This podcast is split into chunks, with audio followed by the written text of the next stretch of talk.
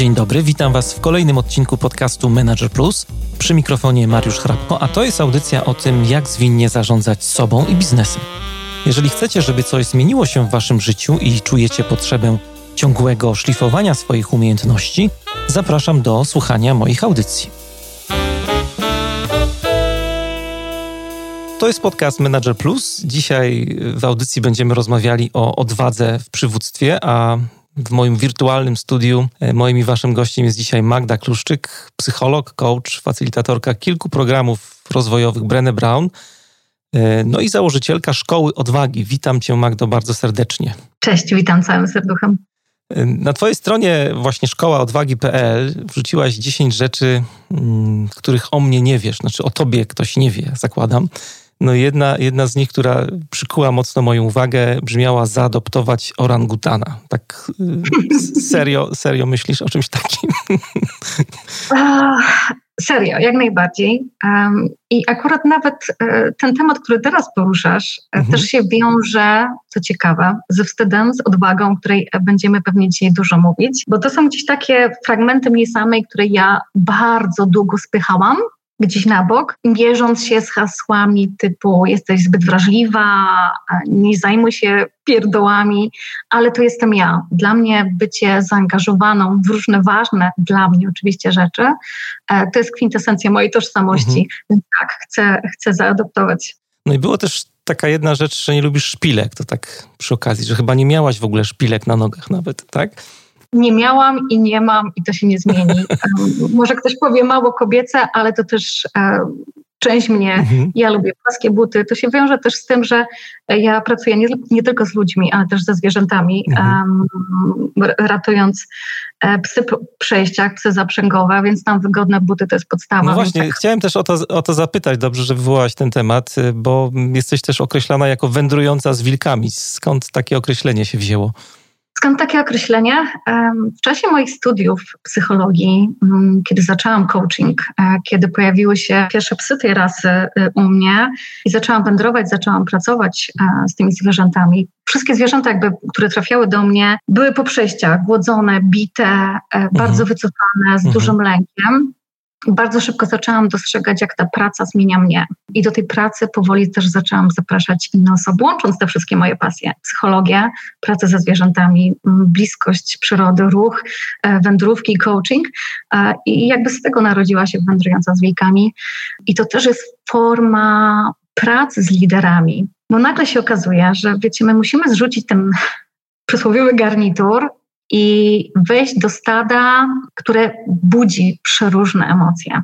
Bo kiedy my przypinamy sobie do pasa e, psiaka, który po prostu ciągnie jak, e, jak traktor, to uwalniają się w nas przeróżne emocje i wychodzi na wierzch coś, co być może bardzo długo spychaliśmy, I to też jest fajna praca zespołowa, e, bo u mnie są takie różne stopnie trudności, właśnie od wędrówek, takich e, z jednym psiakiem, po bike joring, to jest rower, ciągnięcie, posanie zaprzęgowe, powózek mhm. zaprzęgowy, to jest taka wyższa szkoła jazda dla liderów, ale no ja często powtarzam, że lider jest takim maszerem i jeżeli chcemy pracować fajnie z ludźmi, e, to ta praca ze zwierzętami i próba bycia takim przywódcą stada, no to jest piękna metafora tego, co my robimy. No ciekawe, co mówisz, bo ty też yy, wspominałaś, że, że kończyłaś psychologię i tego nie wspominałaś, ale kończyłaś na Uniwersytecie SWPS. E, ja tam prowadzę kierunek Agile Leadership i też zaprosiłem panią profesor Pierużek-Nowak, która ma takie zajęcia biologiczne przywództwo i jakby dzieli się inspiracjami właśnie z tego, co możemy jako liderzy nauczyć się od wilków. Kiedy z nią nagrywałem rozmowę, ale ona pokazuje jakby o inspiracjach, jakby, które czerpiemy od no, życia watachy wilków, wilczej. No, a ty pokazujesz już taką bardziej pracę, jak można to wykorzystać pracując z liderami też y, miałem kiedyś w rozmowie tutaj Magdę Kamińską, którą serdecznie pozdrawiam. Ona z kolei zabiera liderów na Redyk i pracują z owcami, uczą się służebnego przywództwa. Ja uważam, że w ogóle praca ze, ze zwierzętami e, to jest przyszłość tego, co przed nami. Przyszłość też autentycznego przywództwa, o którym będziemy mówić, mhm. bo to jest przywództwo nastawione na człowieka, na drugą osobę, która ma jakąś historię, ma jakieś emocje i, i z tym wszystkim przychodzi do nas. I często, kiedy my uciekamy przed tym, co trudne, kiedy my próbujemy topić jakieś nasze problemy, czy to w alkoholu, czy w przepracowaniu, e, czy w zakupach, czy w seksie, bo te formy znieczulania są przeróżne, to nagle w takim, w takim kontakcie to wszystko zaczyna wychodzić, bo my tam już nie mamy zbroi. Żeby zbudować zaufanie, i to też jest taka fajna metafora, żeby zbudować zaufanie, naprawdę musimy usiąść na tych czterech literach mhm. i czasem nic nie robić, tylko czekać. Bo są u nas zwierzęta, które na przykład przez 2-3 miesiące nawet nie dadzą się dotknąć, bo ten lęk jest taki duży. I to jest jedyna rzecz, e, którą możemy zrobić, to wejść do tej zagrody i siedzieć na tych czterech literach. Nie ruszać się, obserwować, czekać i czekać. Tutaj nie da się przyspieszyć pewnych rzeczy. I tak samo, kiedy pracujemy z ludźmi, um, mamy tą ochotę szybciej, lepiej, do góry, ale czasami tak się nie da. Mhm. I ta cierpliwość i empatia e, to, to są klucze do tego przywództwa, e, które mam nadzieję będzie rozkwitać i będzie go coraz więcej, nie tylko w naszym kraju, ale też na całym świecie. A jak to jest? Jakby jakiś lider chciał udać się na taką wyprawę u ciebie, to co? Powiem szczerze, że jeżeli chodzi o liderów, w sensie mężczyzn, e, to jest to problematyczne. Dlaczego? Dlatego, że większość zwierząt, które do nas trafiają, E, została zraniona przez płeć męską. Mhm. I ten lęk przed mężczyznami jest jeszcze, jeszcze większy. Więc ja oczywiście zapraszam panów, e, tylko z, taką, z takim uprzedzeniem, że mają do wykonania że będzie trudniej pewnie, pracę. Tak? tak, będzie trudniej takie zaufanie zbudować. Ale przypuszczam, że dla nich też jest jeszcze większa wartość tego, co mogą z tego wyciągnąć. Tak procentowo, gdybym to miała przedstawić, to 90% zwierząt krzywdzonych które trafiają do mnie, to niestety no, no tutaj jest lęk większy przed mężczyznami. Do tej pory, bo nie chcę tutaj generalizować, Jasne. tylko mężczyźni nie, ale akurat takie przypadki są głównie u mnie. E, I do tej pory mam um, psa, który jest socjalizowany od 2014 roku i on do tej pory boi się mężczyzn. Mężczyzn głównie. E, I to, z, to widać, rozumiem, tak? W relacjach. Widać w relacjach. Mhm. A kim jest dla ciebie lider? Dla mnie lider to przede wszystkim osoba, która na pierwszym miejscu stawia serce i już wytłumaczę, e, mhm. o co mi tutaj chodzi. My przywykliśmy do takiego modelu lidera twardego, um, kierującego się tylko umysłem albo mięśniami. E, I, I ten model nie sprawdza się całkowicie. I dla mnie lider to osoba, która nie tylko widzi drugiej osobie człowieka, ale też jakby zaprasza go do takiej wspólnej podróży.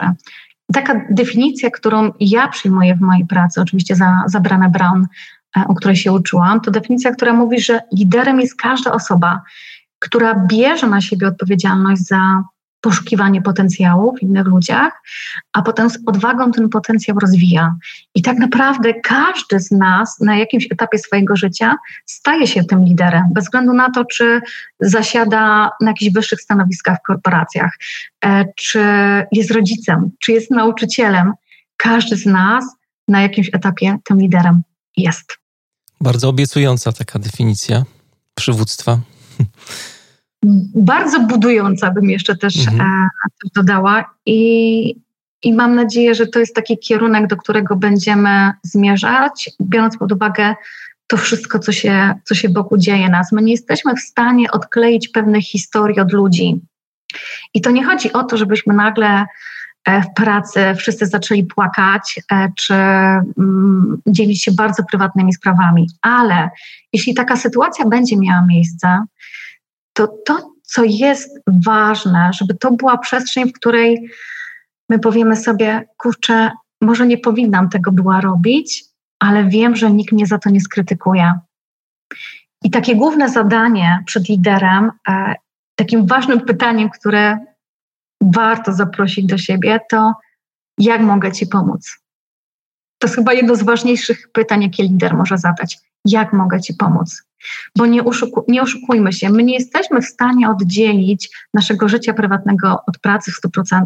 Zawsze jedno będzie się przykładać na drugie. Więc lider jest osobą, która nie tylko widzi, ale też ważne, żeby zobaczyła, że na przykład ten współpracownik, um, pracownik zmaga się z czymś ważnym. I to pytanie, jak mogę Ci pomóc, jest pytaniem, które naprawdę czasem potrafi uratować życie. To ciekawe bardzo, co mówisz, bo też y, mam taką obserwację, też jak spotykam się z liderami, że liderzy też rozdzielają wartości bardzo często. E, jak rozmawiamy o tym, jakie są Twoje wartości, to takie pytanie często dostaję: a chodzi Ci o wartości to takie prywatne, rodzinne, czy takie wartości zawodowe? Nie? To tak samo jest tutaj z przywództwem, o którym mówisz, że nie ma tych dwóch światów. Nie ma. Nawet jakbyśmy bardzo tego chcieli, nie ma. Ja, ja chyba też jestem takim um, dobrym, śmieję się, dobrym, trudnym przykładem na to, bo e, ostatnie lata były takim, takim czasem mocno wyzwaniowym dla mnie i skłamałabym, gdybym powiedziała, że to, co działo się w moim życiu prywatnym, nie przekładało się na pracę, bo przekładało się. Bo kiedy przechodzimy przez coś trudnego, kiedy ktoś um, bliski choruje nam na raka, albo kiedy my sami chorujemy, albo dzieje się jeszcze coś innego, to to zawsze będzie mieć wpływ na to, jak pokazujemy siebie w pracy, jak się angażujemy. I zadaniem litera jest właśnie dostrzeżenie tego, nawiązanie do tej sytuacji i zaoferowanie pomocy. Tutaj nie chodzi o to, żeby nagle lider, każdy lider kończył psychologię czy psychoterapię. Nie. Tylko powiedzenie, kurczę, widzę, że coś jest na rzeczy, jak mogę Ci pomóc, albo pogadajmy o tym, żeby poświęcić nawet to minimum czasu, żeby zobaczyć tego człowieka, to naprawdę ma kolosalny wpływ e, na dalszy etap pracy i na dalszą jakość pracy. A o kim myślisz, y, kiedy słyszysz słowo odwaga? Z racji e, tematu, który, którym się zajmuję, to oczywiście jest Brené Brown e, mhm. w kontekście, um, kontekście wiedzy, w kontekście tych modeli, których, którymi pracuję. Ale myśląc o odwadze teraz, to przed oczami mam dwie kobiety w naszym kraju. To jest e, Martyna Wojciechowska i Maja Ostaszewska. Głównie dlatego, że nie boją się mówić o tym, co trudne, chociaż zderzyły się z gigantycznym, e, gigantycznym hejtem w, e, w ostatnim czasie, kiedy mm, zaczęły mówić o sytuacji na granicy, kiedy zaczęły mówić o swoich wartościach po prostu. I my możemy się ze sobą nie zgadzać, my możemy mieć różne poglądy, różne wartości, ale my naprawdę nie musimy dbać o te nasze potrzeby, umniejszając człowieczeństwa innej osobie. Więc teraz, myśląc o odwadze, myślę o nich, że się nie ugięły, że stają za tym, co dla nich ważne, e, pomimo całej tej krytyki. No jest to taki temat w ogóle wartości w, w przestrzeni publicznej, rozmowa o wartościach. Wydaje mi się, że jest taka dość trudna. Czasami mam wrażenie, że, że niektóre osoby się, nie wiem, wstydzą tych swoich wartości albo są nieśmiałe w mówieniu o tych swoich wartościach. Tak samo widać to w zespołach projektowych. Jak już nawiązałem trochę do, do tego, że rozmawiamy czasami z zespołami o tym, jakie są ich wartości, e, żeby ludzie zobaczyli, co jest dla kogo ważne i w jakich zachowaniach się to przejawia, to no nie zawsze jest łatwo. Zespoły, które tak pierwszy raz w ogóle mają do czynienia z takimi głębokimi rozmowami, to mija czasami 10-15 minut, nawet takich chichrajek, takich śmieszków mhm. różnych, y, zanim ludzie wejdą i zaczną tak serio rozmawiać o tym, wokół czego kręci się ich życie, tak na dobrą sprawę. Wiesz, kiedy my pytamy o wartości, to pytamy tak naprawdę też o to, kim my jesteśmy jako ludzie. I to na pewno nie są pytania, którym poświęcamy dużo czasu i uwagi obecnie. Pytania mega niekomfortowe, bo też zmuszają do do zmierzenia się z jakąś prawdą, może dla nas niewygodną, czy to w kontekście właśnie naszej obecności w jakiejś organizacji, w jakiejś firmie, w jakimś zespole, e, w której relacje mogą być przeróżne, czy to przy rodzinnym stole. E, więc to zawsze będzie dla nas mega niekomfortowe. I, i czasami te, te, śmieszki, o których mówisz, są też taką formą e, przykrycia właśnie tego, co gdzieś tam nas uwiera. Ja często powtarzam, że humor jest niezwykle ważnym narzędziem w tej pracy, w pracy z odwagą, w pracy ze wstydem, ale z taką dużą uważnością, czy tym humorem właśnie nie przykrywamy czegoś, co dla nas na przykład jako zespołu jest trudne, o czym nie chcemy mówić. Więc to też jest bardzo ważne. Tak samo sarkazm, ironia to są takie rzeczy, które też są fajnymi takimi kołderkami różnych trudnych rzeczy, które dzieją się w zespołach czy w relacjach. Mhm, tak, cynizm, jak najbardziej, bo to są takie zbroje, które my zakładamy na siebie, czyli mechanizmy obronne, które mają nam pomagać właśnie radzić sobie z czymś, co jest dla nas w danym momencie wyzwaniem. Mhm. Jak... Kiedy, mhm. kiedy my takie zbroje nosimy czasami przez lata, funkcjonując e, w jakiejś organizacji, załóżmy 15-20 lat, e, to możemy mieć takie poczucie, że ta zbroja to my, ale to nigdy nie będziemy my. I ta praca też wymaga dostrzegania właśnie tego sedna, tego, kim my jesteśmy, że pod tą zbroją, pod tym cynizmem, pod tym sarkazmem jest człowiek, który się boi, jest człowiek, który czuje się samotny, jest człowiek, który um, nie czuje więzi, załóżmy, z pozostałym zespołem. Czyli pod tą zbroją zawsze skrywa się jakieś serce, zawsze skrywa się temat, um, przez który trzeba przejść, żebyśmy uh, poczuli to, co trudne, żebyśmy przeżyli jakiś ból, e, a nie zadawali go innym. Jak to się stało, że w ogóle mm, zajęłaś się tematem odwagi w przywództwie? Bo to jest taki twój temat przewodni. E, zaczęło się od jednego z moich, e, z moich wypraw, jednej z moich wypraw rozwojowych na Podlasiu. Mm, taki teren, który, który bardzo kocham. I kiedy cała grupa już się rozjechała, zostałam ze stadem. Bo to był taki jeden dzień w sumie na, na odpoczynek, zanim wrócę do siebie, czyli e, na Śląsk. I miałam ze sobą książkę Dary Niedoskonałości, Brana Brown, którą kupiłam tak od niechcenia, bo ktoś tam, ktoś tam mówił. I kiedy zaczęłam czytać, mówię, jasna cholera, to jest książka o mnie. To jest książka o moich zmaganiach z poczuciem własnej wartości, ze wstydem, z niezabieraniem głosu, z czuciem się niekomfortowo w swoim własnym ciele, czy w rolach, które, e, które przyjmuję. Bo zanim ja stanęłam, że tak powiem, na tym Podlasiu, to ja pracowałam w korporacjach, pracowałam w szkole jako nauczyciel, e, działałam bardzo mocno w organizacjach pozarządowych. Mm, więc miałam taką, że tak powiem, szeroką perspektywę patrzenia na, e, na różne rzeczy, ale mimo wszystko dalej czułam się mm, niepewnie i dalej wierzyłam, że ja nie mam prawa mówić e, o tym, co dla mnie ważne, że nikt nie będzie mnie słuchał, że jaką ja tam jestem liderką, do kogo ja mam zapraszać, kim ja niby jestem. I to są takie przesłania, które ma dla nas wstyd.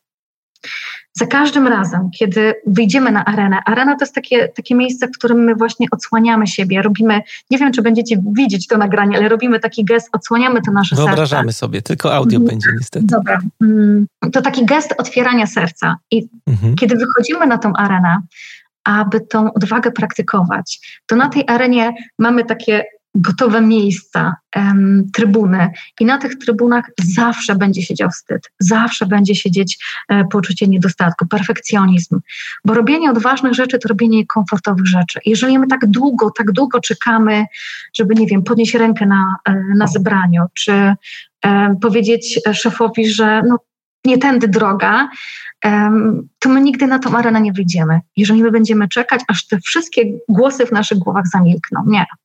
Wychodzenie na arenę, praktykowanie odwagi, to jakby stałym elementem tego właśnie jest mierzenie się z krytyką. I co więcej, te osoby, które są uodpornione na wstyd, które potrafią przez ten wstyd przechodzić, a, a nie tam rozbijają namiot i, i pozwalają, żeby to bagno wstydu je wsiąkało, one przede wszystkim wiedzą, kto zasiada na tych trybunach i co ma im do powiedzenia. I te dwa takie największe przesłania wstydu to jest to, o czym ja teraz właśnie mówiłam. Za kogo ty się uważasz? I nigdy dość. Nigdy dość dobry, mądry, kompetentny, doświadczony, e, żeby zabierać, e, zabierać głos i czymś się dzielić. I to są, mm, wstyd jest takim narzędziem do zarządzania bo nie tylko ucisza nas jako pracowników, ale też sprawia, że my milczymy, wstyd zamyka nam usta. I chyba nie wiem, czy jest coś potężniejszego, co sprawi, że my zamilkniemy. To właśnie wstyd sprawia, że my nie stajemy na przykład za kolegą, który jest szykanowany w pracy, że zgadzamy się na coś, co jest całkowicie sprzeczne z naszymi wartościami. Wstyd, wstyd, jeszcze raz wstyd. I dalej, z przykrością to mówię, ale dalej ta epidemia wstydu trwa i biorąc pod uwagę to wszystko, co się dzieje teraz wokół nas, e, to bym powiedziała, że ma się niestety całkiem nieźle. O wstydzie sobie za chwilę porozmawiamy, bo też mam kilka pytań a propos wstydu, ale chciałbym jeszcze zahaczyć o to, co powiedziałaś, e, temat odwagi, bo mam tutaj dwie rzeczy. Jedna rzecz wiąże się z tym, co jakoś tam wybrzmiało w Twojej wypowiedzi, że odwagę się praktykuje. Chciałem Cię zapytać o to, czy, czy to jest taki proces, którego można się nauczyć, czy, czy może trzeba mieć taką cechę, że jestem odważny, nie? bo tak można o odwadze też myśleć. Są ludzie, którzy są odważni, niektórzy są ryzykantami, ale są odważni, a są osoby, które nie są odważne. Czy, czy to jest taka e, umiejętność, której można się nauczyć? Zakładam, że chyba tak jest, skoro mówiłaś o praktyce odwagi. To jest bardzo niebezpieczne przekonanie i niezła wymówka, że odwaga to cecha, że są ludzie odważni, ja nie jestem, to nie mhm. będę tego robić. A nie. E, odwaga jest umiejętnością, którą możemy rozwijać i wzmacniać. I ja mam taką, e, taką mantrę, bo to też było takie przekonanie, które bardzo długo mnie e, gdzieś podtrzymywało przed e, wyjściem do świata. E, I ja mówię, że ja nie jestem odważną kobietą, ja jestem kobietą, która praktykuje odwagę, bo odwaga to wybór. I mówiąc odwaga, ja nie mam, e, nie chcę, żebyście mieli przed oczami, nie wiem, walkę gladiatorów na śmierć i życie, bo ja mówię o takiej codziennej odwadze.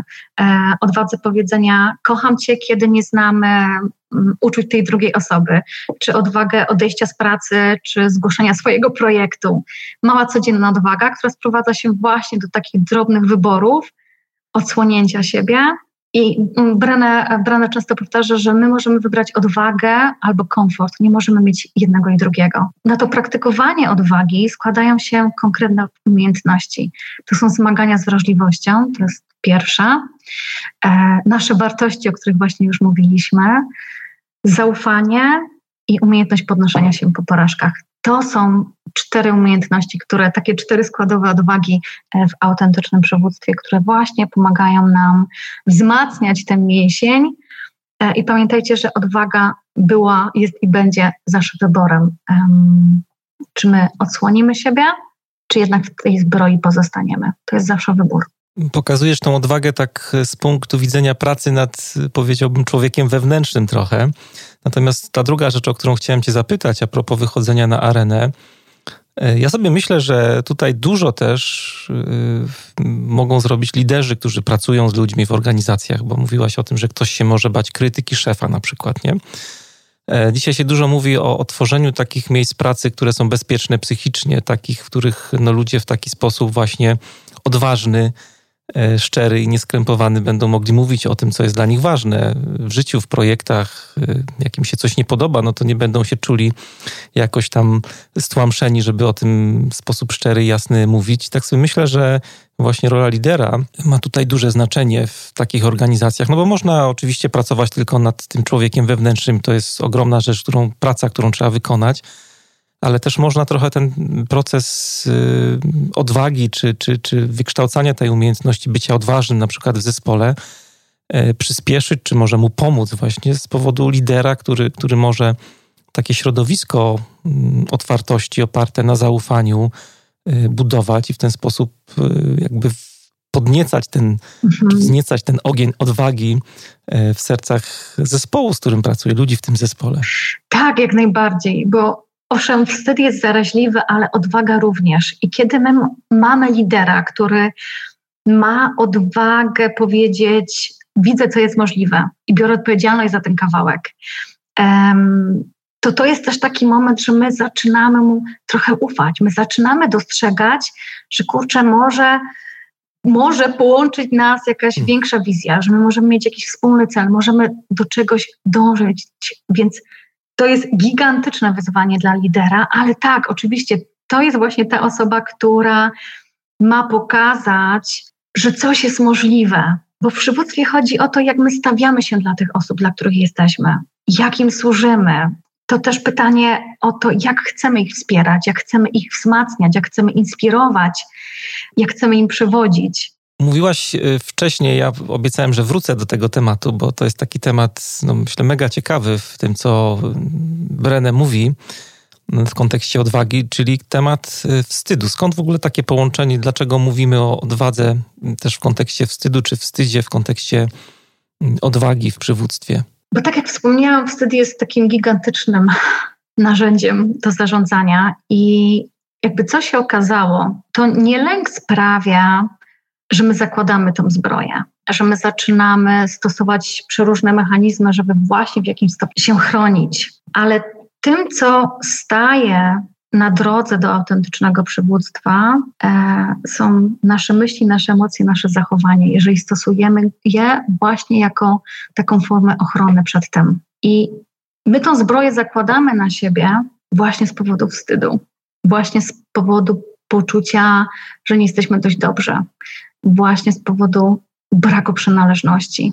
I praca z autentycznym przywództwem to też jest e, praca z przechodzeniem przez, e, przez wstyd, budowanie odporności na wstyd. Bo jeżeli my chcemy mieć zespół, który potrafi się podnieść po porażce, e, to musimy mieć też odwagę, żeby mówić o tym, że nas to zabolało, że my przez to możemy czuć się gorsi, że jakaś porażka uderza w, nas, w naszą tożsamość. Więc to też są rozmowy o wstydzie. I nie da się, bo ja wiem, że czasami e, e, kiedy jestem zapraszana gdzieś e, i, to jakby też często to Brenę podkreślała, że chodź, przyjedź, zrób jakiś występ, jakiś wykład, mów o wszystkim, ale nie o wstydzie i nie o wrażliwości.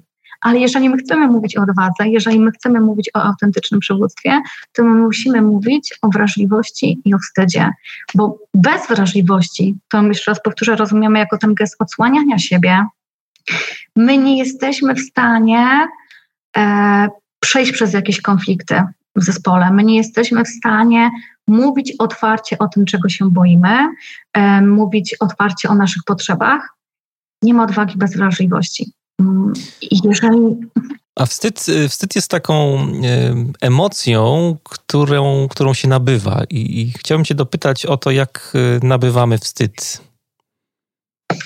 Z czego to się bierze w naszym życiu? Bo to nie jest tylko jakby praca, nie? To nie jest tylko zespół, to nie jest tylko praca z szefem czy, czy z organizacją. Te obszary, jakby, które zatacza wstyd, są bardzo różne. To może być szkoła, rodzina, to, to, tutaj musimy już mocno zajrzeć do naszych, naszych domów i naszego wychowania, mhm. bo rodzice uczą nas tej chyba najważniejszej um, perspektywy patrzenia na świat. Jeżeli dorastaliśmy w domach, w których nie było miejsca na emocje, w których uczono się, że właśnie wrażliwość to słabość, że grzeczne dziewczynki takie nie zachowują, że mhm. chłopaki nie płaczą, to to są takie perspektywy, z którymi potem idziemy dalej w świat. I zaczyna się szkoła i zaczyna się taki wpływ też większy kultury, tych przesłań, które e, płyną do nas e, z, e, z telewizji, z gazet i to też są przesłania bardzo mocno nasiąknięte wstydem odnośnie tego, co jest akceptowalne w naszej kulturze, a co nie. E, że płacz kobiety w pracy będzie oceniany jako jakieś historyczne zachowanie, a krzyk faceta jako synonim władzy. I, i może, kurczę, mamy XXI wiek, ale dalej to jest gdzieś nas mocno zakorzenione. Dalej zmagamy się z tymi przekonaniami, które, e, które zabraliśmy z naszego domu. I powiem, powiem więcej, tym największym źródłem wstydu dla mężczyzn właśnie jest bycie postrzeganym jako słabość. To jest numer jeden. Dla kobiet e, to jest perfekcjonizm, czyli mamy być doskonałe we wszystkim, co robimy i najlepiej bez żadnego wysiłku. Więc to są takie dwa największe źródła wstydu, e, z którymi potem niestety wchodzimy do pracy, do zespołu, do relacji e, i to się przekłada na to, jak nie tylko jak budujemy zespoły, nie tylko jak pracujemy, jak wykorzystujemy nasze talenty, ale przede wszystkim na to, jak my te relacje również zawodowe budujemy. No ale jeżeli nic z tym nie robimy, to też może się ciągnąć całe życie za nami. Oczywiście. Właśnie ten, ten wstyd, który no, przejawia się, też mówiłaś trochę o przejawach wstydu. Ja tak sobie wyłapywałem różne słowa, hasła, na przykład, że jestem do niczego, że się nie nadaje, mhm. że jestem może jakimś złym człowiekiem, albo wszystko mi nie wychodzi, wszystko robię źle.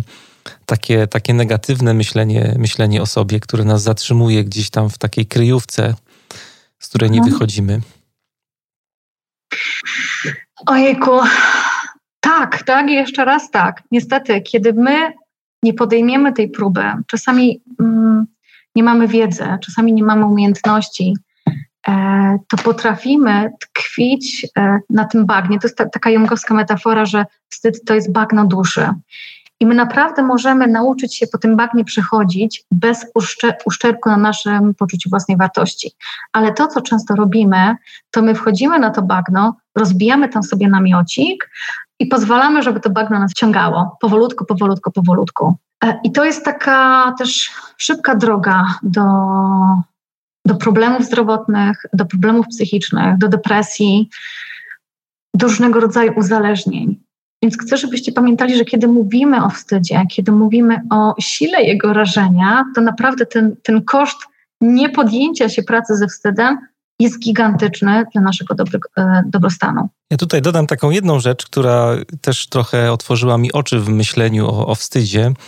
Jak się przygotowywałem do naszej rozmowy, to przypomniałem sobie fragment, jeden rozdział tak naprawdę E, ze znakomitej książki księdza Tischnera Filozofia dramatu. To jest e, jedna z jego takich flagowych pozycji, jeśli chodzi o jego filozofię i sposób myślenia. I tam właśnie jest jeden taki rozdziałik, który dotyka tematu wstydu i myślę, że przy okazji wstydu zwrócił uwagę na, na taką szalenie ważną rzecz, e, mianowicie, że są emocje, które nazywa dialogicznymi, czyli takie emocje, które Y, żeby zaistniały, no to potrzebny jest drugi człowiek. No i emocje takie monologiczne, czyli w zasadzie do pojawienia się tych emocji nam drugi człowiek nie jest potrzebny. No na przykład można być smutnym zarówno jak się jest samemu w samotności, albo albo w towarzystwie, ale te emocje dialogiczne, myślę, że tutaj wstyd jest jednym z takich fajnych przykładów, to, to są takie emocje, gdzie y, bez drugiego człowieka ta emocja się nie pojawia. Na przykład też można mówić o zazdrości czy y, o pogardzie. To są też takie emocje, gdzie gdzieś tam po drugiej stronie jest, y, jest człowiek. Bardzo, bardzo ciekawe jest to, że ten inny człowiek powoduje, że, że my się wstydzimy, że on nas jakoś zawstydza y, i wobec, y, no nie wiem, na przykład standardów szefa, lidera, my się wstydzimy, że jesteśmy właśnie gorsi, tak jak mówisz. Mhm.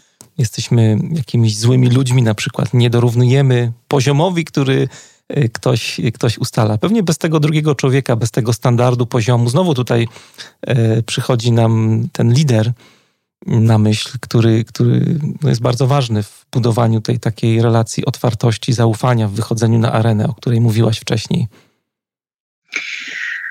To odpowiem na to pytanie, na, na to pytanie, na to, czym się podzieliłeś, to używając komentarz no, bardziej.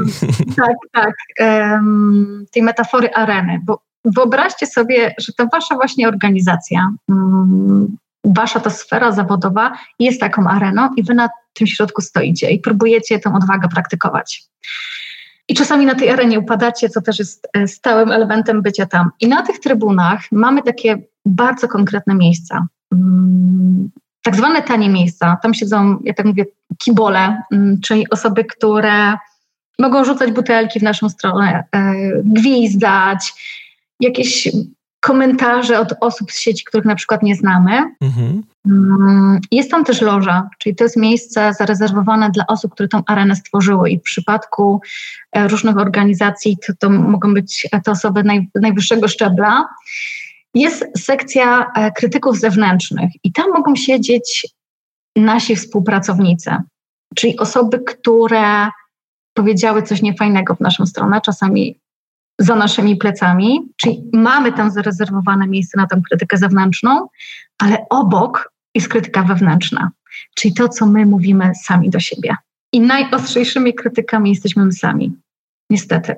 Więc część, owszem, tego wstydu, tego porównywania się, tego perfekcjonizmu może wypływać z tej sekcji zewnętrznej, z tego, co słyszeliśmy, z tego, co doświadczyliśmy. To jest ta jedna część, ale tą drugą wnosimy my sami. Więc ta praca zawsze zaczyna się od nas, czy tego chcemy, czy nie, zawsze.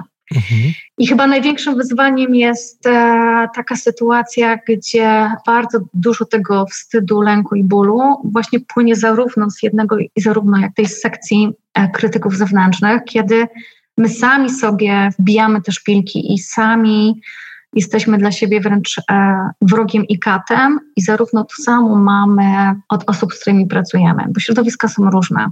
I wspomniałaś e, wcześniej, miałam do tego nawiązać, więc zrobię to teraz, o tej przestrzeni, którą ma tworzyć lider, bezpiecznej przestrzeni. I czy to jest przestrzeń w organizacji, czy w szkole, my, każdy z nas potrzebuje takiego miejsca, w którym właśnie będzie mógł odsłaniać siebie, bo kiedy my to robimy, to wtedy możemy korzystać z naszej kreatywności, z innowacyjności, czyli dwie najważniejsze rzeczy w rozwoju organizacji czy w rozwoju szkoły. Ale bez wrażliwości nigdy nie będzie miejsca na kreatywność i innowację. Nigdy. Ta wrażliwość to jest takie słowo y, kolejne, które chciałbym tutaj trochę rozwałkować, bo mnie na przykład sprawiło najwięcej problemu. To też może być kwestia tłumaczenia, mhm. bo zerknąłem sobie do jakby oryginału i, i przeczytałem w oryginale, że to jest taka emocja. Mówimy o wrażliwości.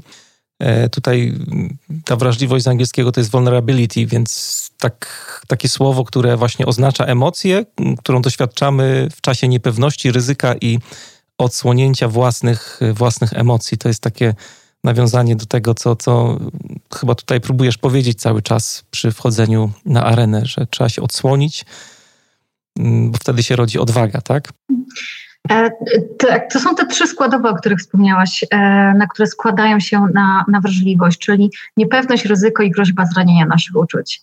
Mhm. Kiedy my mówimy szefowi czy współpracownikowi, że nie podoba mi się, jak rozwiązałeś e, jakąś sytuację w biurze, to my nigdy nie mamy pewności, jaka będzie reakcja. Czy zostaniemy wywaleni z roboty, czy siądziemy i przedyskutujemy. To jest właśnie ten moment ryzyka, ten moment niepewności i groźby zranienia naszych uczuć. Tak, ja myślę, ja myślę, że problem trochę z tym słowem w języku polskim bierze się stąd, że u nas tą wrażliwość się tak rozumie na dwa sposoby najczęściej, nie? Że mamy taką wrażliwość, no nazwijmy to sensoryczną, czyli że ktoś jest wrażliwy na, nie wiem, na świat dźwięków, albo zapachów, albo na kolor, jakiś taki artysta, e, malarz, rzeźbiarz, albo mamy tą wrażliwość taką emocjonalną, która jest no, tak niestety negatywnie odbierana, nie, że ktoś jest nadwrażliwy, ktoś się do nas jakoś krzywo uśmiechnął, źle spojrzał, nie przyszedł na spotkanie, E, no i często gdzieś tam w tyle głowy, jak, jak myślimy wrażliwy, no to e, podprogowo sobie to tłumaczymy, że ktoś jest nadwrażliwy, że no niby nic się nie dzieje, a on wpada w jakąś histerię, reaguje w taki dziwny sposób, przecież ta sytuacja nie wymaga takiej reakcji i tak dalej, i tak dalej. A tutaj ta wrażliwość jest trochę, mam wrażenie, inaczej rozumiana, o której mówisz. Mhm. Tak, dlatego ja zawsze powtarzam wrażliwość, czyli odsłanianie siebie. I jeżeli ktoś nie chce używać tego słowa wrażliwość, niestety nie mam lepszego odpowiednika na to, co mówi Brenner, poza tym, że to jest forma odsłaniania siebie. I tak jeszcze nawiążę do tej nadwrażliwości, mhm. bo to są też takie um, hasła, które często słyszę w trakcie mojej pracy, które są gigantycznym źródłem wstydu nie bądź taka nadwrażliwa, e, nie bądź taka emocjonalna. Dalej nie ma tej przestrzeni na to, żeby o tych emocjach rozmawiać. My dalej mamy problem um, nie tylko z, z zrozumieniem tego, co czujemy, ale też z wyrażaniem. I dalej nie ma akceptacji do tego, że, że my czujemy. I w miejscu pracy jeżeli chcemy, żeby to autentyczne przywództwo zagościło, to musimy robić właśnie tą bezpieczną przestrzeń na emocje, na empatię, na samoświadomość. Czy liderzy są w stanie tak bez przygotowania takiego psychologicznego sobie z tym poradzić w ogóle? Nie każdy lider musi być psychologiem, mhm. ale każdy lider musi się rozwijać budować samoświadomość. Bo jeżeli my nie wiemy, jakie sami zbroje stosujemy, e, jak działa na nas wstyd, E, to możemy czasem nieświadomie używać tego wstydu jako narzędzia. Możemy e, nieświadomie stosować tarczy cynizmu czy sarkazmu, więc ta samoświadomość i budowanie tej świadomości jest tutaj chyba takim najważniejszym fundamentem do tego, żeby przyglądać się temu, jak funkcjonujemy w danym środowisku i jak nasze zachowanie wpływa na innych. I kiedy my pozwalamy sobie na uczenie się na własnych błędach, e, kiedy my wybieramy odwagę, żeby porozmawiać ze swoim zespołem, jak Wam jest e, z tym, co zrobiłam, jak Wam jest z moim zachowaniem, jak Wam jest z moją propozycją, to to też jest szansa dla naszego osobistego rozwoju. Tylko no, my musimy zdobyć na tę odwagę, żeby takie pytania zadać i żeby się w nie wsłuchać. Bez automatycznego zakładania zbroi i chronienia się przez tym, bo ten feedback, który otrzymamy, no nie zawsze będzie komfortowy. Ale jeżeli chcemy się rozwijać, to w tej naszej przestrzeni też musimy zrobić na niego miejsce. Wspominałaś o tym, że jednym ze sposobów praktykowania odwagi jest też praca z porażkami. My mamy dzisiaj trochę, mam takie wrażenie, kult porażki w wielu organizacjach. Czasami ten kult porażki jest tak y, opacznie rozumiany na takiej zasadzie, że w zasadzie już nie można od ludzi egzekwować odpowiedzialności, ale Ciekaw jestem w ogóle, jak, jak ten temat jest tutaj mm, ograny, brzydko mówiąc, w kontekście odwagi. Y, do czego, do czego nam to jest faktycznie potrzebne? Czy, czy do kwestii na przykład związanych z regeneracją po porażce? E, to na pewno też, bo w każdym zespole będą, a, będzie czas na sukcesy, będą, będzie czas na, na porażki, będzie na czas na ten moment, żeby zejść z tej areny, trochę się posklejać, przykleić sobie plasterki, jeżeli bardzo zabolało, ale to też jest czas na to, żeby przemyśleć, co było nie tak, gdzie popełniliśmy błąd. I bez tej umiejętności podnoszenia się po porażkach, to my na tą arenę możemy już nigdy ponownie nie wyjść. Albo jeżeli wyjdziemy, to bardzo, bardzo zachowawczo, odcinając się od um, naszych kompetencji, od naszych możliwości, naszego talentu. Więc to jest czwarta umiejętność e, rozwoju odwagi, to podnoszenie się po porażkach. I jest różnica w sytuacji, w której my wkładamy całe nasze serce w jakiś projekt. E, wiemy, że dajemy z siebie 100% czasu i zaangażowania i ponosimy porażkę, niż w sytuacji, w której my wiemy, że nie daliśmy z siebie wszystkiego i ta porażka jest. To w tej drugiej sytuacji to bardziej boli, i to jest też taka perspektywa mega niewygodna dla mnie, jako osoby, która przez powiedzmy większość swojego życia e, jednak e, gdzieś tam uciekała, gdzieś tam się chowałam na początku tej mojej, e, mojej drogi zawodowej. I teraz wiem, że kiedy ja naprawdę się w coś zaangażuję, kiedy ja poświęcę, no nie chcę powiedzieć absolutnie wszystko, ale kiedy ja wejdę w jakiś projekt i dam z siebie wszystko, to potem mogę sobie powiedzieć: OK, boli, bo będzie boleć, porażka zawsze nas będzie boleć, ale wiem, że dałam z siebie wszystko i zrobiłam, co tylko mogłam, niż e, powiedzieć: e, Kurczę, ale dałam dupy i zawaliłam na całej linii. To, jest, to, to są te niuanse, które też pomagają nam budować um, tą odporność, ale też inną perspektywę na porażkę. Bo tu bym chciała jeszcze zahaczyć o takie ważne miejsce na tych trybunach, mianowicie perfekcjonizm. Wspominałeś no o tak. porównywaniu, tak. kiedy oglądamy się tam na boki, co robią nasi mhm. współpracownicy czy szefowie. E, perfekcjonizm też jest gigantyczną zbroją. I krąży taki mit, że perfekcjonizm to droga do sukcesu. Ale to jest kłamstwo, bo jak pokazują badania, perfekcjonizm sprawia, że my popadamy w różne uzależnienia, popadamy w depresję, e, nie wykorzystujemy swoich możliwości. I w perfekcjonizmie nie chodzi o nasze talenty, nie chodzi o nasze osiągnięcia, nie chodzi o nasz rozwój. Perfekcjonizm jest takim przekonaniem, które mówi nam, że jeżeli będziemy robić wszystko doskonale, to my unikniemy krytyki, odrzucenia, lęku, wstydu, unikniemy tego wszystkiego, czego tak bardzo się boimy. I w tym świecie perfekcjonistów nie ma miejsca na porażkę, bo porażka równa się nic nie znacza. I kiedy taką zbroję nosimy na sobie, Brana mówi o perfekcjonizmie, że to taka 20-tonowa zbroja, mm, to to jest zbroja, przez którą nic nie jest w stanie się przebić, ale te nasze talenty i możliwości również. I kiedy tak bardzo boimy się tej porażki, kiedy ona staje się w jakimś stopniu zagrożeniem dla naszej tożsamości, to albo działamy bardzo zachowawczo, e, albo odkładamy wszystko na później, przyciągamy jakieś projekty w nieskończoność, coś dopieszczając, dopieszczając do ostatniej kropeczki, właśnie żeby nie narazić siebie na opinię innych ludzi, na krytykę innych ludzi.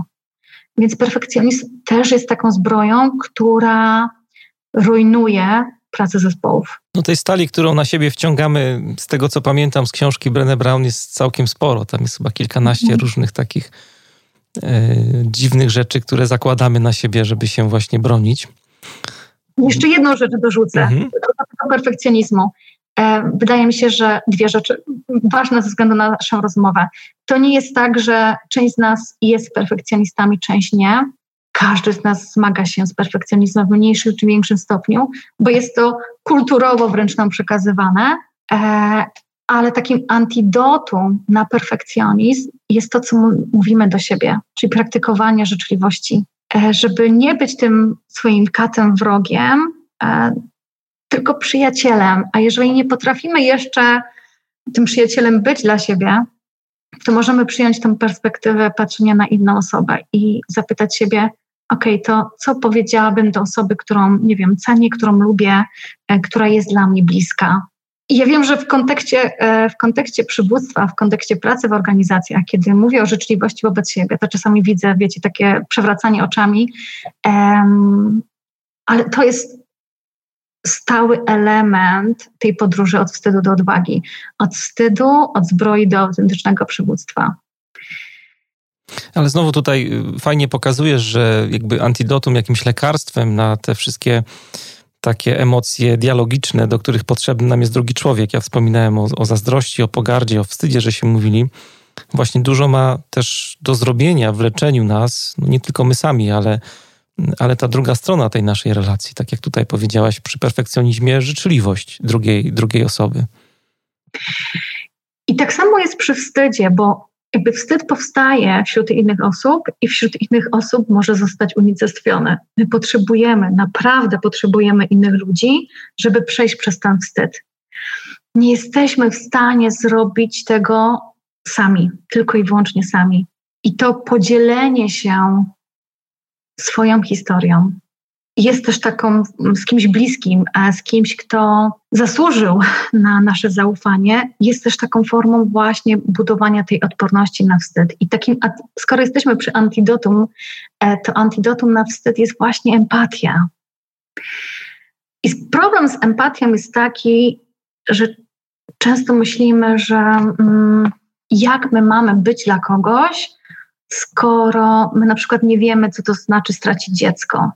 My nie musimy odwoływać się e, do konkretnej sytuacji, ale do podobnych doświadczeń. I możemy powiedzieć, wiesz co, ja, ja nie wiem, co to znaczy um, stracić ukochaną pracę. Ja nie wiem, co to znaczy stracić dziecko, e, ale wiem, co to znaczy, kiedy tracimy coś dla nas ważnego. Czyli odwołujemy się do doświadczeń e, danej osoby. I empatia jest składową tego serca, tego autentycznego przywództwa. I dla mnie też taką, taką drogą, nie chcę mówić narzędziem, ale taką drogą do tego, żeby ten świat stawał się choć trochę lepszy. Dla mnie to bardzo odkrywcze jest, to powiedziałaś i tak coś mi kliknęło w głowie, nawet chyba słyszałem takie kliknięcie. E, bo w sumie to taka banalna myśl w sumie, nie? Bo mówiliśmy o tym trochę na początku o tym mówiłaś, że no wszystko zależy od nas, że to my mamy wpływ. E, Gandhi mówił, bądź zmianą, którą chcesz zobaczyć w świecie, ale my też często nie zdajemy sobie sprawy, jak dużo my też mamy wpływu na innych, no na przykład będąc życzliwym. Tak sobie pomyślałem, że, że też niewielu z nas ma tą świadomość, że, że możemy chociażby życzliwością leczyć czyjeś jakieś tam choroby, zabliźniać rany różne, które w innych ludziach są. To jest bardzo takie też e, no, dla mnie ważne, ale myślę, że też dla każdego z nas, którzy tutaj słuchamy e, twoich wypowiedzi i tego, co mówisz tak pięknie o odwadze, wstydzie, wrażliwości, wielu innych rzeczach, że właśnie trzeba mieć tą świadomość, jak dużo od nas zależy też. Koniec końców wracamy do tego pierwszego punktu, że my mamy wpływ. Tak, jak długo, dużo od nas zależy, e, że potrzebujemy drugiego człowieka. I, I, mam wrażenie, że zatoczyliśmy takie koło do tego pytania, które padło na początku. Jak mogę Ci pomóc? Jak mogę Ci pomóc? I ja byłam w takim momencie um, swojego życia, w którym usłyszałam kiedyś to pytanie, e, i to naprawdę pozwoliło mi stanąć na nogi i mieć takie poczucie, że nie jestem kulą nogi zespołu, że to przez co przechodzę, um, oczywiście jakiś tam wpływ miało, ale że to wsparcie od zespołu mam. To był, to był moment, kiedy mój tata zaczął chorować na, na raka, więc moment dla mnie bardzo, bardzo tragiczny, bardzo trudny. I gdyby nie to pytanie, gdyby nie osoby, które zobaczyły we mnie przede wszystkim człowieka, który się z czymś zmaga, który kocha to, co robi, ale nie jest w stanie być w danym momencie na 100%, to powiem szczerze, nie wiem, jak bym sobie poradziła, więc nie okradajmy szczerości z tej wielkiej mocy, jaką ma. A ta szczerość jest wtedy, kiedy my to pytanie zadamy i kiedy wsłuchamy się w tą odpowiedź. Mam jeszcze jedno pytanie, tak y, patrzę na zegarek i zbliżamy się powoli do końca rozmowy. Gdybyś miała do wykorzystania taki ogromny billboard ustawiony w dowolnym miejscu, najbardziej takim nawet prestiżowym miejscu, co tam sobie wymyślisz, co, co byś na tym billboardzie napisała? przypuszczam, że to, co wisi na mojej stronie, że ten świat potrzebuje Twojego głosu, Twojej historii, Twojej odwagi. To jest fundament wszystkiego, co robię i w co, w co bardzo wierzę. I wydaje mi się, że jesteśmy w takim momencie, hmm, historycznym momencie, gdzie te słowa chyba nigdy nie były prawdziwsze. Bo Wasza odwaga, Wasza historia, Wasz głos jest teraz bardzo potrzebny, bez względu na to, czy dotyczy jakiegoś małego podwórka, czy dużej sceny e, politycznej, ekonomicznej, społecznej, to naprawdę my potrzebujemy całej armii ludzi, e, którzy wierzą w miłość, wierzą w odwagę i wierzą, że my możemy być dla drugiego człowieka. Tak po prostu.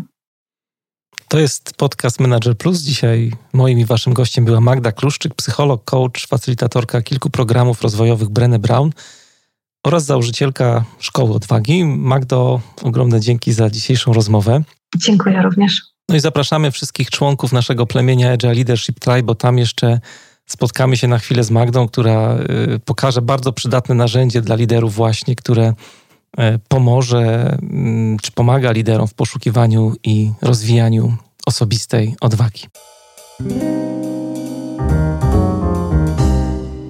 Na koniec mam jeszcze krótkie ogłoszenie. Dokładnie tydzień temu uruchomiliśmy kolejną, czwartą edycję kursu Scrum Assistance po dłuższej przerwie. Jeżeli pracujesz w zespole skramowym, jeżeli jesteś programistą, testerem, analitykiem, jeżeli pełnisz w tym zespole rolę Scrum Mastera, Product Ownera, jesteś kierownikiem projektu czy liderem, e, to ten kurs e, z pewnością jest dla Ciebie. Jestem głęboko przekonany, że bardzo ułatwi Ci pracę. E, Scrum Assistance to kurs online, w którym wspólnie skupiamy się na rozwiązywaniu różnych skramowych wyzwań. No i ten kurs działa trochę jak ubezpieczenie Assistance. Taki miałem pomysł, jak go tworzyłem, jak wymyślałem nazwę. Ubezpieczenie Assistance, które dostarcza nam taki dostęp do różnych praktycznych usług, na przykład holowanie, naprawa pojazdu, czy no, chociażby samochód zastępczy, jak pojawi się jakaś poważniejsza awaria, kradzież samochodu, czy nie daj Boże jakiś wypadek na drodze. E, w czasie kursu weźmiemy pod lupę dokładnie 25 problemów, z którymi z pewnością mm, spotkasz się albo już spotykasz się na swojej drodze w Scrumie. Scrum Assistance właśnie będzie takim pakietem dla Ciebie, jak ubezpieczenie Assistance, pakietem gotowych, praktycznych rozwiązań, z których możesz w zasadzie od ręki skorzystać w swoim zespole. To nie jest kurs, warto o tym powiedzieć, który mówi o tym, czym jest Scrum. Zapisując się na ten kurs, na pewno nie dowiesz się niczego o skramie, to nie jest wprowadzenie do skrama, to nie jest y, kurs taki, który wyjaśnia teorię, która stoi za tą metodą. To jest kurs, który e, w dużym stopniu skupia się na moich takich doświadczeniach praktycznych, którymi się z Tobą będę e, dzielił. Znajdziesz tam różne ćwiczenia, e, gotowe, sprawdzone rozwiązania, będą też konkretne, realne case'y które przytrafiły się w mojej pracy z zespołami. To wszystko y, mam nadzieję, że przygotuje Cię bardzo mocno do radzenia sobie z podobnymi sytuacjami w skramie, w Twoich codziennych y, projektach. Jeśli chodzi o mm, organizację kursu, to tak dla maksymalnej wygody, dla takiego najbardziej łatwego uczenia się w przyswajaniu tego materiału, to całość podzieliłem na pięć modułów tematycznych. To są takie tygodnie, można powiedzieć. I ten materiał jest dostępny w trzech formatach. Jest e, wideo, jest podcast, no i oczywiście transkrypcje dla tych, którzy nie chcą ani oglądać, ani słuchać, a wolą sobie poczytać o e, tym wszystkim, czym dzielę się e, w kursie. Kurs, i tutaj też takie pytania dostawałem ostatnio, jest dostępny od razu po zakupie. Kiedyś było tak faktycznie, że jakby dzień po dniu, moduł po module, tydzień po tygodniu odpalałem lekcje, ale teraz ze względu na to, że każdy z nas pracuje bardzo różnie, każdy z nas inaczej podchodzi do organizacji siebie w czasie. Ten kurs jest dostępny od zaraz, w zasadzie po zakupie, tak żebyście mogli sobie dowolnie ten czas zorganizować i zaplanować w pracy z lekcjami. Lekcje nie są długie, trwają od kilku do kilkunastu minut, więc ta y, dostępność materiału jest podzielona też od strony czasu na różne takie interwały. Znowu, żeby Wam jak najlepiej się z tym materiałem, z tymi lekcjami pracowało. Sprzedaż y, kursu potrwa do 29 listopada, potem y, zamykamy okienko sprzedażowe i skupiamy się na działaniach mocno kursowych. Wszystkie szczegóły, link, yy, krótki opis tego, yy, czego się możecie spodziewać w kursie, oczywiście zamieszczę w materiałach pod dzisiejszym yy, odcinkiem. Mam nadzieję, że do zobaczenia. No i zapraszam wszystkich też na platformę zwinneszkolenia.pl, gdzie mm, więcej na temat kursu możecie przeczytać. Ja się nazywam Mariusz Hrabko. Trzymajcie się i do usłyszenia niebawem.